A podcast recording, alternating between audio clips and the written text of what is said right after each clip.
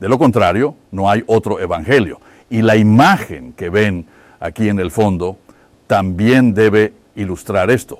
Volveré sobre eso de manera más detallada en un momento, porque ven dos veces el mismo camino en una foto y dos veces la misma ubicación y sin embargo, en ambos casos es algo diferente lo que ven. Así que es diferente, pero no es otro. Y en ese contexto quiero hablar esta mañana sobre el Evangelio. Bueno, la expresión, el título que es de esta mañana se toma de un texto de Gálatas 1. Llegaremos a eso, naturalmente, más adelante, pero eso es solo en una etapa posterior. Primero quiero comenzar leyendo una parte de 1 Corintios 15, que es un capítulo magistral sobre la resurrección de Jesucristo. De hecho, se trata también de la esencia del Evangelio, a saber, que Dios resucitó a Cristo de entre los muertos. De hecho, volvemos a tener la historia de la que se habló antes de este estudio, es decir, sobre aquel que como una oruga se transformó en una nueva vida. Y en toda la creación se ve ilustrado esto, pero de hecho esta es la expresión de lo que trata la buena nueva, el Evangelio. Que así sea, Pablo lo demuestra en 1 Corintios 15. Él dice lo siguiente, os doy a conocer, hermanos, el Evangelio que os he evangelizado. El texto es literalmente traducido del texto original y que también recibisteis. Pablo les recuerda lo que ya les había dicho verbalmente anteriormente. Y ahora, por escrito, pone las cosas en claro. Y esto no es sin razón, sino porque se estaban difundiendo enseñanzas divergentes y ciertos informes y pensamientos eh, circulaban en la iglesia de Corinto. Y Pablo se opone firmemente a esto lo hace de una manera impresionante, presentando pruebas de las cosas. Él dice, el Evangelio que os evangelizo, que también recibisteis, en el cual también estáis firmes. Debo decir, no demasiado firmes, porque al final de este capítulo, en el versículo 58, les dice que sean firmes. En otras palabras, estaban de pie pero eran fácilmente movidos por otras afirmaciones y por lo tanto no estaban firmemente establecidos. Por eso, Pablo se esfuerza mucho en establecerlo claramente, diciendo, esto es de lo que se trata, estas son las consecuencias y este es el impacto increíble de todo esto. Pablo quiere que estén firmes, inquebrantables y afirma que este es el Evangelio mediante el cual son salvos.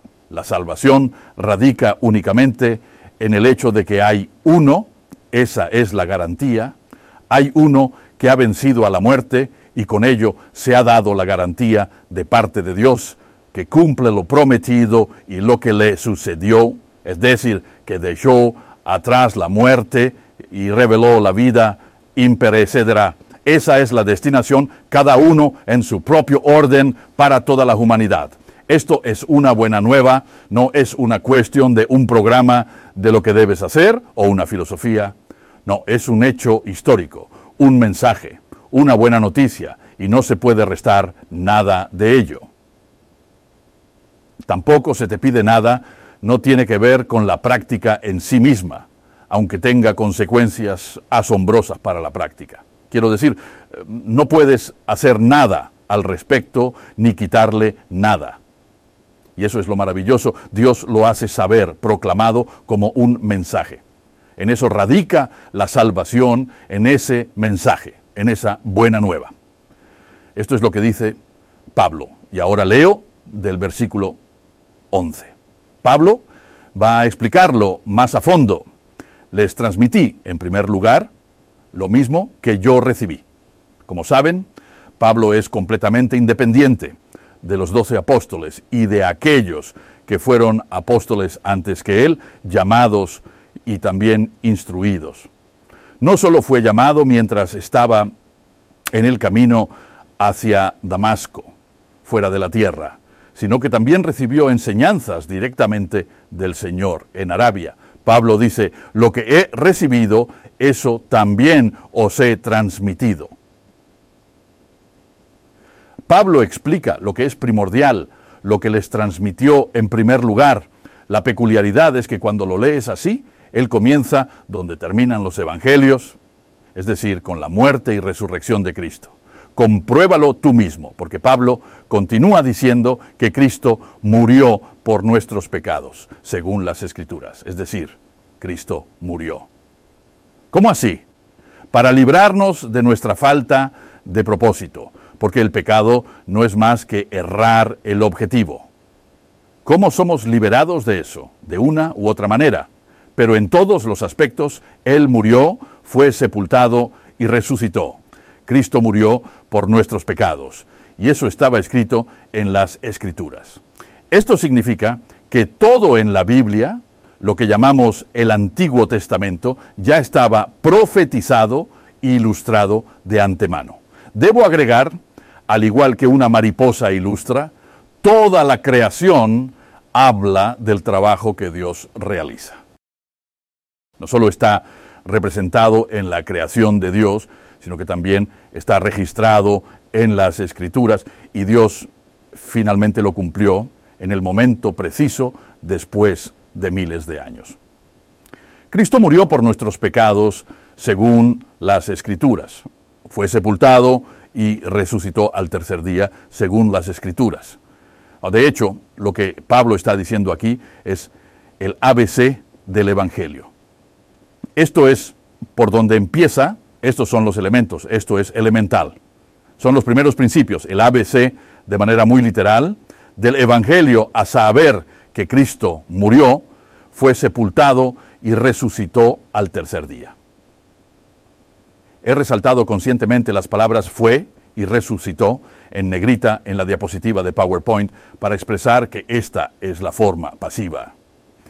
Él fue resucitado, realmente estuvo muerto y yació en la tumba durante tres días, luego fue resucitado por Dios. Esto es tan fundamental, lo mostraré más adelante, y por eso puedes ver por qué el cristianismo se apartó de ese mensaje desde una etapa muy temprana. En ese momento declararon oficialmente, incluso en el concilio de Nicea, que Cristo no era el Hijo de Dios, sino que lo convirtieron en Dios el Hijo.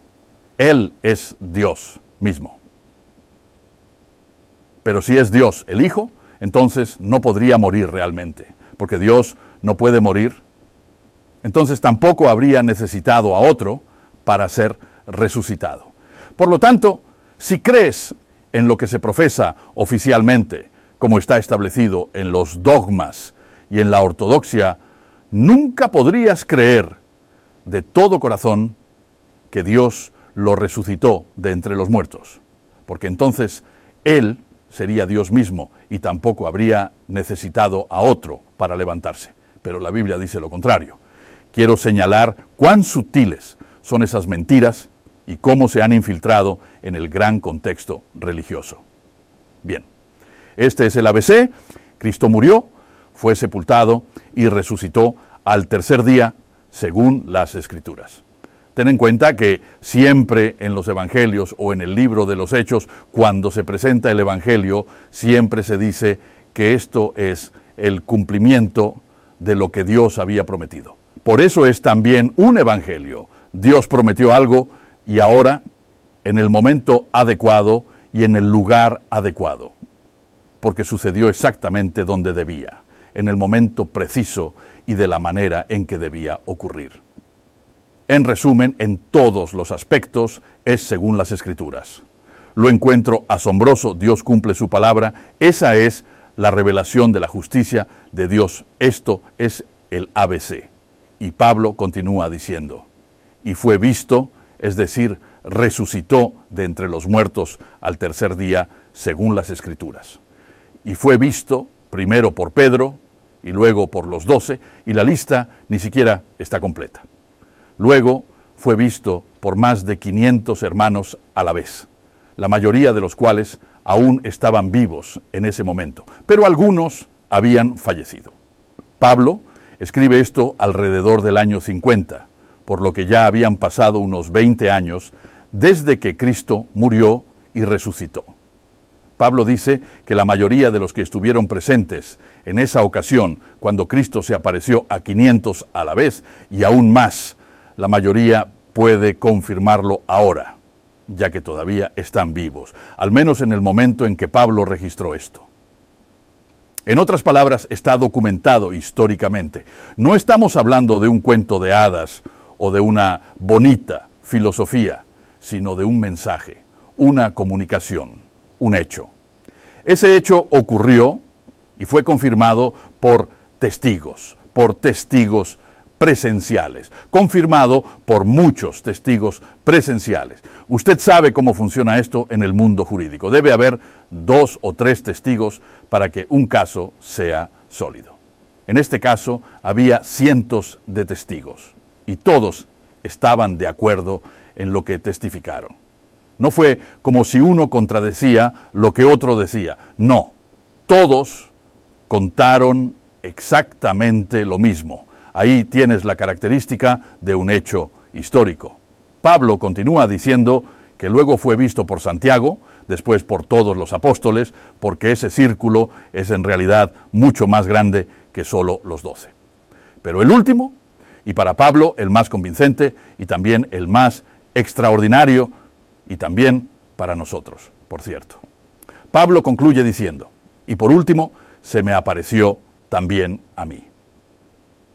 Porque en ese momento Cristo ya había ascendido al cielo. Y algunos años después de la resurrección apareció personalmente a Saulo de Tarso, quien, además, no había sido instruido por Jesús como los apóstoles. Saulo era un enemigo, un destructor de la iglesia, y precisamente a él se le apareció Cristo. Con eso, él es el colofón, el clímax. Como el último de todos, como a uno nacido fuera de tiempo, también se me apareció Cristo, dice Pablo. Pablo dice, yo soy el menor de los apóstoles por esta razón. No soy digno de ser llamado apóstol, porque perseguí la iglesia de Dios. Pero dice, por la gracia de Dios, soy lo que soy. No lo busqué, de hecho, lo opuesto, pero fui alcanzado y es la gracia de Dios la que se me apareció. De hecho, toda su historia es un emblema de lo que iba a contar, es decir, la gracia de Dios, que supera todo, que tampoco espera nada del ser humano, y eso lo proclamó a los cuatro vientos. Pablo también fue llamado fuera del país, entre las naciones. Pero por la gracia de Dios soy lo que soy y la gracia que Dios me mostró no ha sido en vano. Me he esforzado más que todos ellos, pero se apresura a agregar, no yo, sino la gracia de Dios que está conmigo. Pablo fue alcanzado y la gracia de Dios lo hizo. Por lo tanto, Pablo no se enorgullece diciendo, lo hice, esto me sucedió.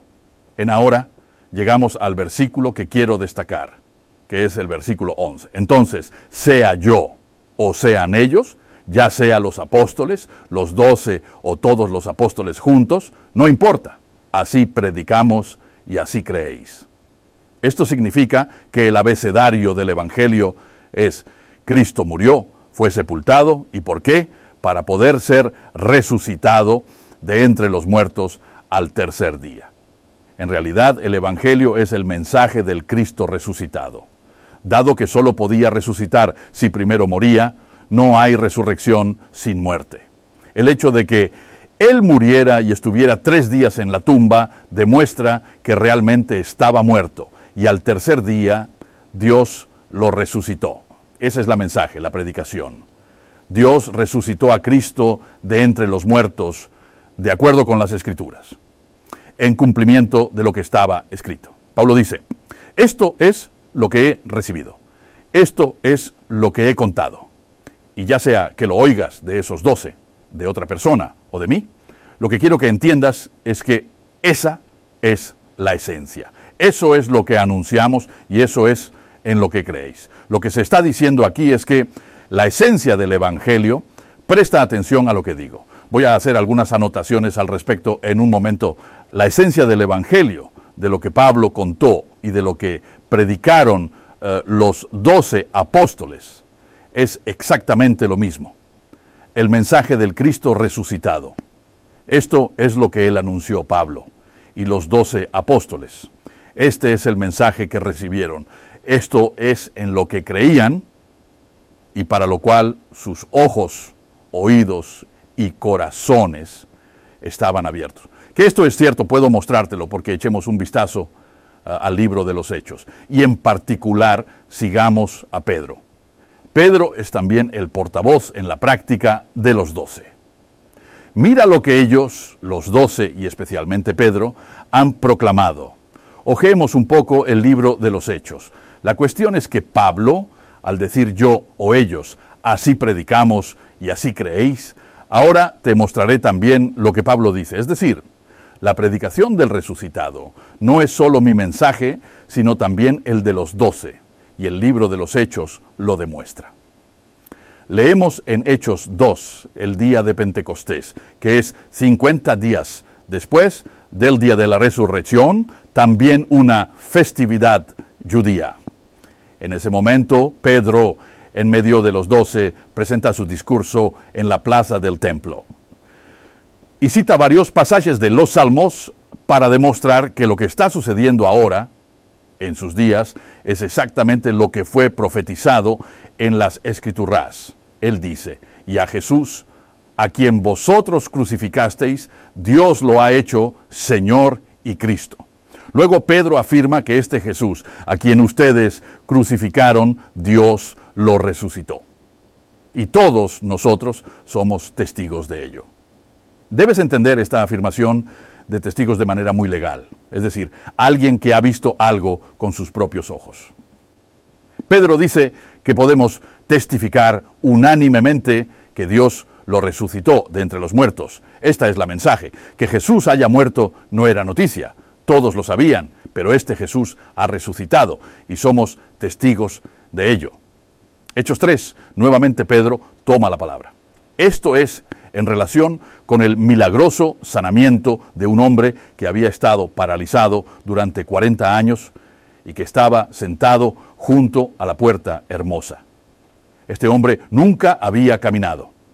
Él miró hacia arriba, se levantó y entró dando saltos en el templo. No hubo rehabilitación, nada de eso. Simplemente tuvo lugar este milagro de Dios.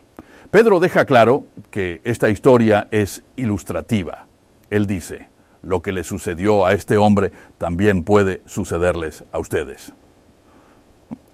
Esto lo dice al pueblo de Israel. Dios ha levantado a su siervo, refiriéndose a Jesús, para bendecirlos, a ustedes, Israel. Cabe señalar que el número 12 representa a Israel. Se refiere a las doce tribus de Israel. ¿Qué están testificando los doce? Que Dios resucitó a Jesús ¿Y por quién lo hizo en primer lugar? Por Israel. En los versículos eh, anteriores, Pedro dice, si ahora creéis en este Mesías que Dios ha resucitado de entre los muertos, entonces el Mesías regresará del cielo y cumplirá todas las palabras de los profetas, restaurando todas las cosas. El reino de paz se establecerá en esta tierra. En resumen, si ahora creéis, el Mesías regresará y a través de Israel traerá el reino de paz a la tierra. En primer lugar, este Mesías fue enviado para Israel, enviado para bendecir a Israel. En retrospectiva, sabemos que las cosas no sucedieron de esa manera. Israel rechazó nuevamente ese testimonio. Esto fue oficialmente rechazado durante la lapidación de Esteban por el Sanedrín. Continúo leyendo en Hechos 4, donde Pedro y Juan están delante del Sanedrín. Han sido arrestados y deben rendir cuentas. Pedro dice, debéis saber tanto ustedes como todo el pueblo de Israel que por el nombre de Jesús, el Nazareno, a quien ustedes crucificaron, pero a quien Dios resucitó, de entre los muertos. Por ese nombre, este hombre que estuvo paralizado durante 40 años está aquí sano ante ustedes. Nuevamente, ¿cuál es el mensaje? Que aquel a quien crucificaron ha resucitado de entre los muertos. Ahora continuamos y nos fijamos en la historia de Cornelio. Pedro preferiría no acercarse a un gentil, pero sabía que primero Israel debía creer. Dios le dejó claro que debía abrir la puerta a las naciones. Luego, Pedro está en la casa de Cornelio, ese centurión romano, y vuelve a decir, a él Jesucristo, a quien el pueblo judío entregó para ser crucificado. A este Dios lo resucitó al tercer día y le dio el privilegio de aparecer no a todo el pueblo, sino solo a los testigos que Dios había elegido de antemano. Este es el testimonio. Entonces, cuando Pablo dice en 1 Corintios 15, yo o ellos, así predicamos y así creéis, está totalmente en consonancia con la historia que conocemos a través de Lucas en el libro de los Hechos. Es decir, que también los doce apóstoles predicaban al pueblo que Dios resucitó a su Hijo Jesús de entre los muertos. Esa fue la razón por la cual Él es el Mesías de Israel. Ahora debo agregar, si todo esto es tan claro, ¿por qué necesitábamos un decimotercer apóstol? Esto tiene que ver con que Israel oficialmente rechazó este mensaje ante el Sanedrín y que durante la lapidación de Esteban se presenta una nueva persona. Este es Saulo de Tarso. Luego, dos días después, él es llamado. Está destinado a las naciones. El apóstol de las naciones. En esta diapositiva de presentación verás dos palabras griegas, las palabras heteros y ayos.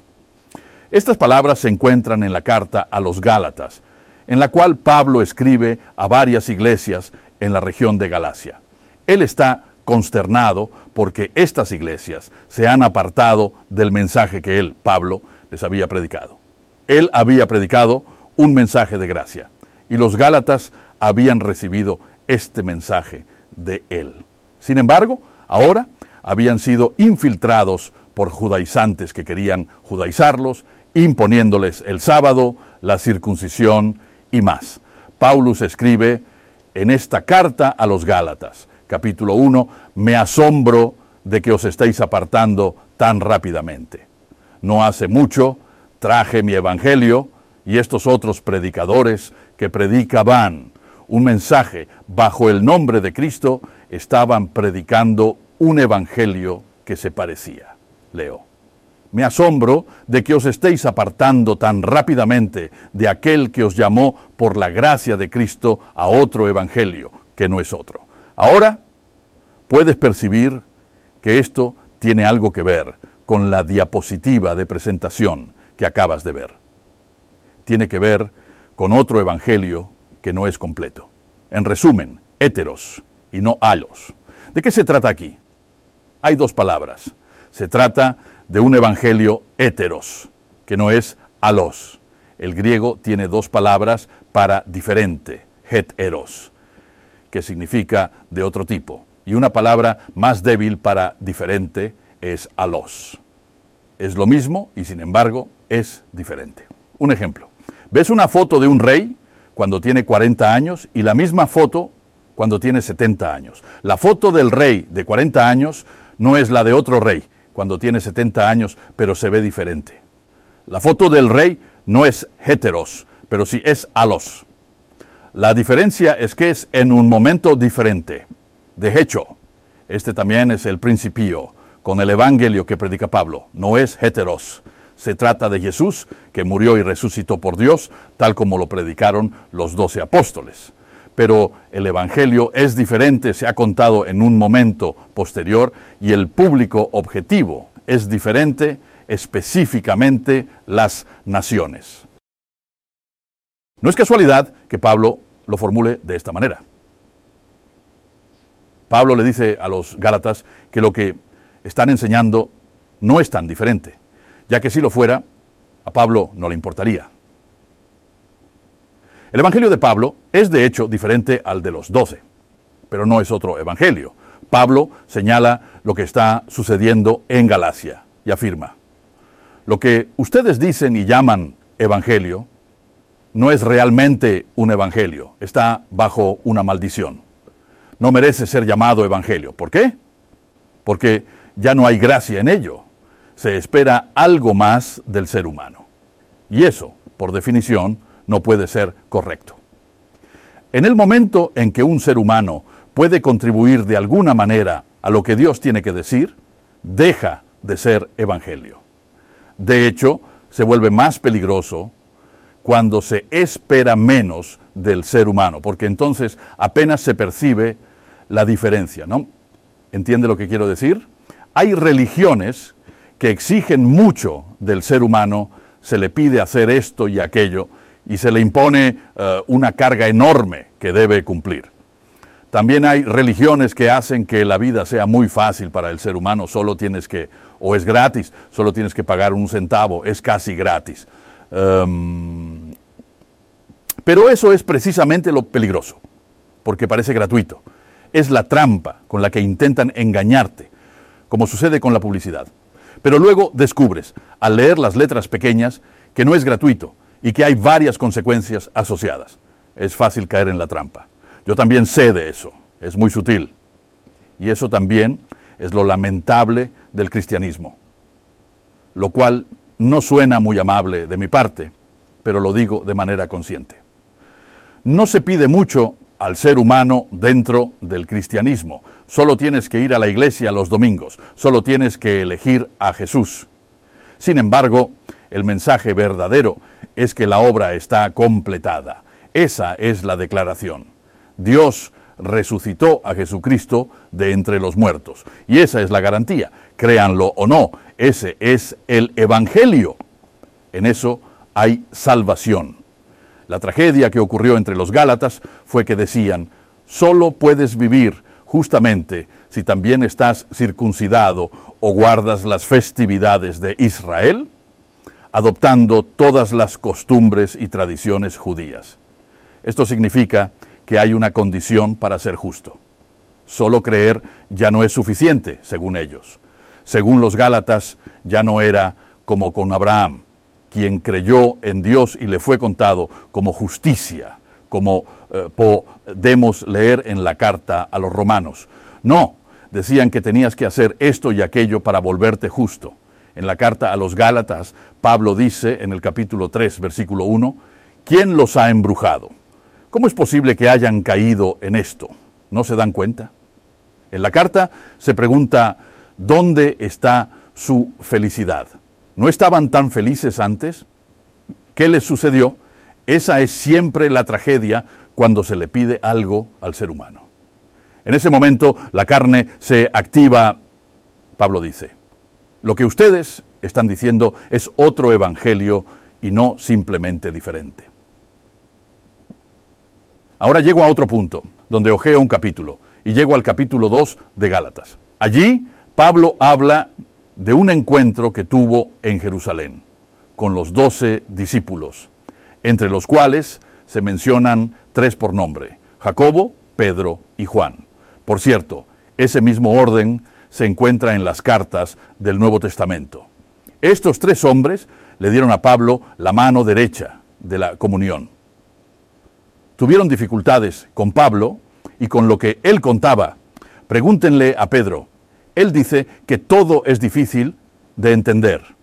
Sin embargo, no tuvieron más remedio que reconocer que lo que él tenía para decir era verdad. Le dieron la mano derecha de la comunión y cuando está en Jerusalén, en Hechos 15 se describe ese encuentro y dice lo siguiente, cuando persivieron, es decir, los apóstoles en Jerusalén, los pilares, eh, que a mí se me había encomendado el Evangelio para los incircuncisos. ¿Qué significa exactamente ese Evangelio? Es un Evangelio en el cual la circuncisión no tiene un papel. La incircuncisión es un término técnico, pero simplemente significa que estás circuncidado o no lo estás. Tienes el prepucio o no lo tienes no es necesariamente el nombre de un ritual, sino más bien el nombre de un pueblo. La circuncisión es, de hecho, Israel, el pueblo que tiene la circuncisión y todos los privilegios, relaciona dos con ella.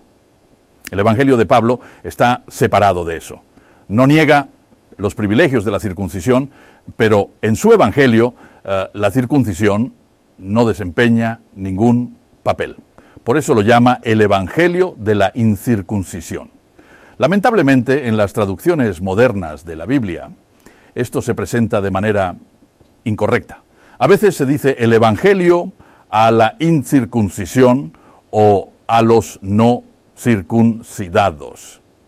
Sin embargo, esto no se refiere tanto a la dirección, sino que dice algo sobre el mensaje o el entorno de lo que se está contando.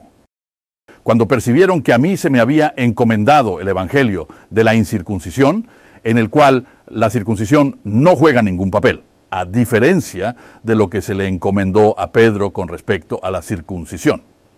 Esto es lo que quiero decir. El Evangelio que Pablo predicaba es diferente al de Pedro y los otros doce apóstoles, porque a Pablo se le encomendó el Evangelio de la incircuncisión, mientras que a Pedro se le encomendó el de la circuncisión. Es diferente, no es otro Evangelio, ya que Pedro predicaba sobre el Cristo resucitado, solo que el enfoque era diferente.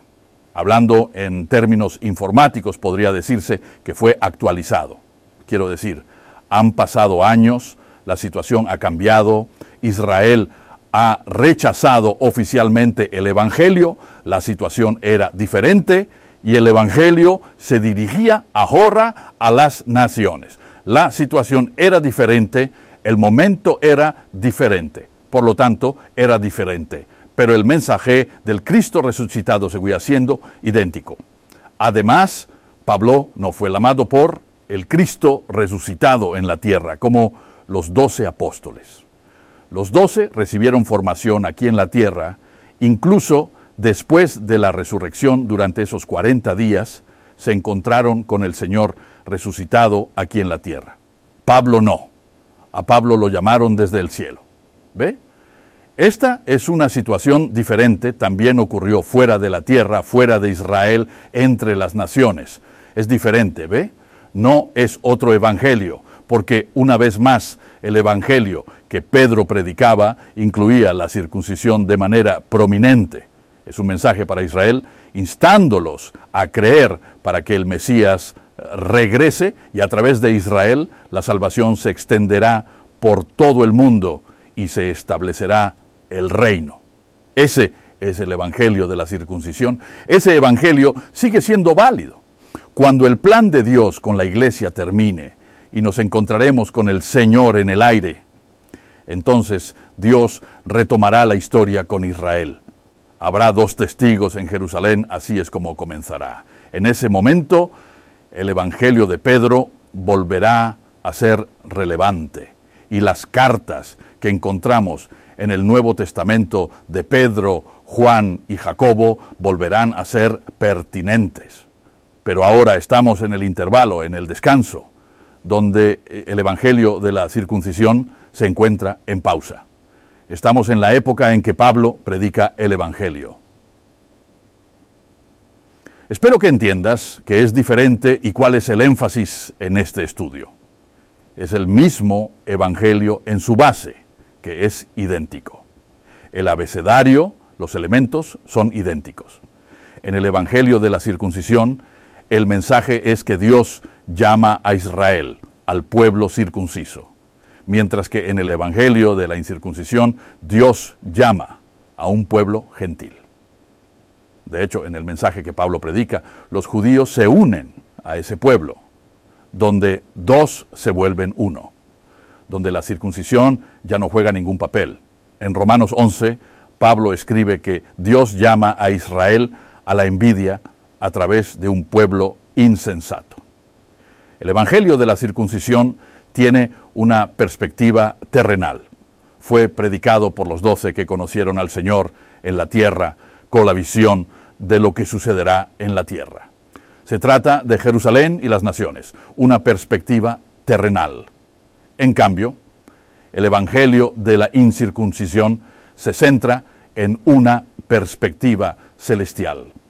Pablo fue llamado desde el cielo y además el pueblo que es llamado hoy tiene un destino celestial, como se menciona en la carta a los Efesios. Esa es la diferencia. ¿Chocan estos evangelios entre sí? ¿Es esto contradictorio? No, son diferentes. Los doce también reconocieron esto, tuvieron dificultades para entenderlo y cambiar su forma de pensar, es verdad, pero en el Evangelio de la incircuncisión se anuncia prácticamente una nueva dispensación. Pablo también dice que se les ha confiado la administración de esta dispensación, en la cual los dos se han vuelto uno. Esa es la época intermedia, la interrupción. Dios retomará la historia con Israel más adelante. Pero hay algo, y permíteme terminar con esto. Una cosa sigue siendo idéntica. El Cristo resucitado, ya sea que lo conozcamos como los doce lo conocieron aquí en la tierra, o que lo conozcamos como es ahora, sentado a la diestra de Dios, y que nosotros también iremos en esa dirección. En ambos casos hablamos del Cristo resucitado, que es absolutamente idéntico. Por lo tanto, no es otro evangelio, pero ciertamente es diferente. Hasta aquí llega este estudio bíblico. Qué bueno que estuviste escuchando. Esto fue eh, un estudio de la fundación neerlandesa Bericht, en el cual el Evangelio del apóstol Pablo es el foco central y se utiliza el texto original en griego tanto como sea posible en lugar de una traducción bíblica convencional. ¿Te gustaría saber más sobre el Evangelio de Pablo? Puedes hacerlo visitando www.goodbericht.nl. A través de los navegadores Chrome o Firefox puedes usar una extensión de idioma para traducir automáticamente el sitio web neerlandés al idioma de tu preferencia. Este estudio bíblico fue presentado originalmente en neerlandés y ha sido traducido a tu idioma mediante inteligencia artificial.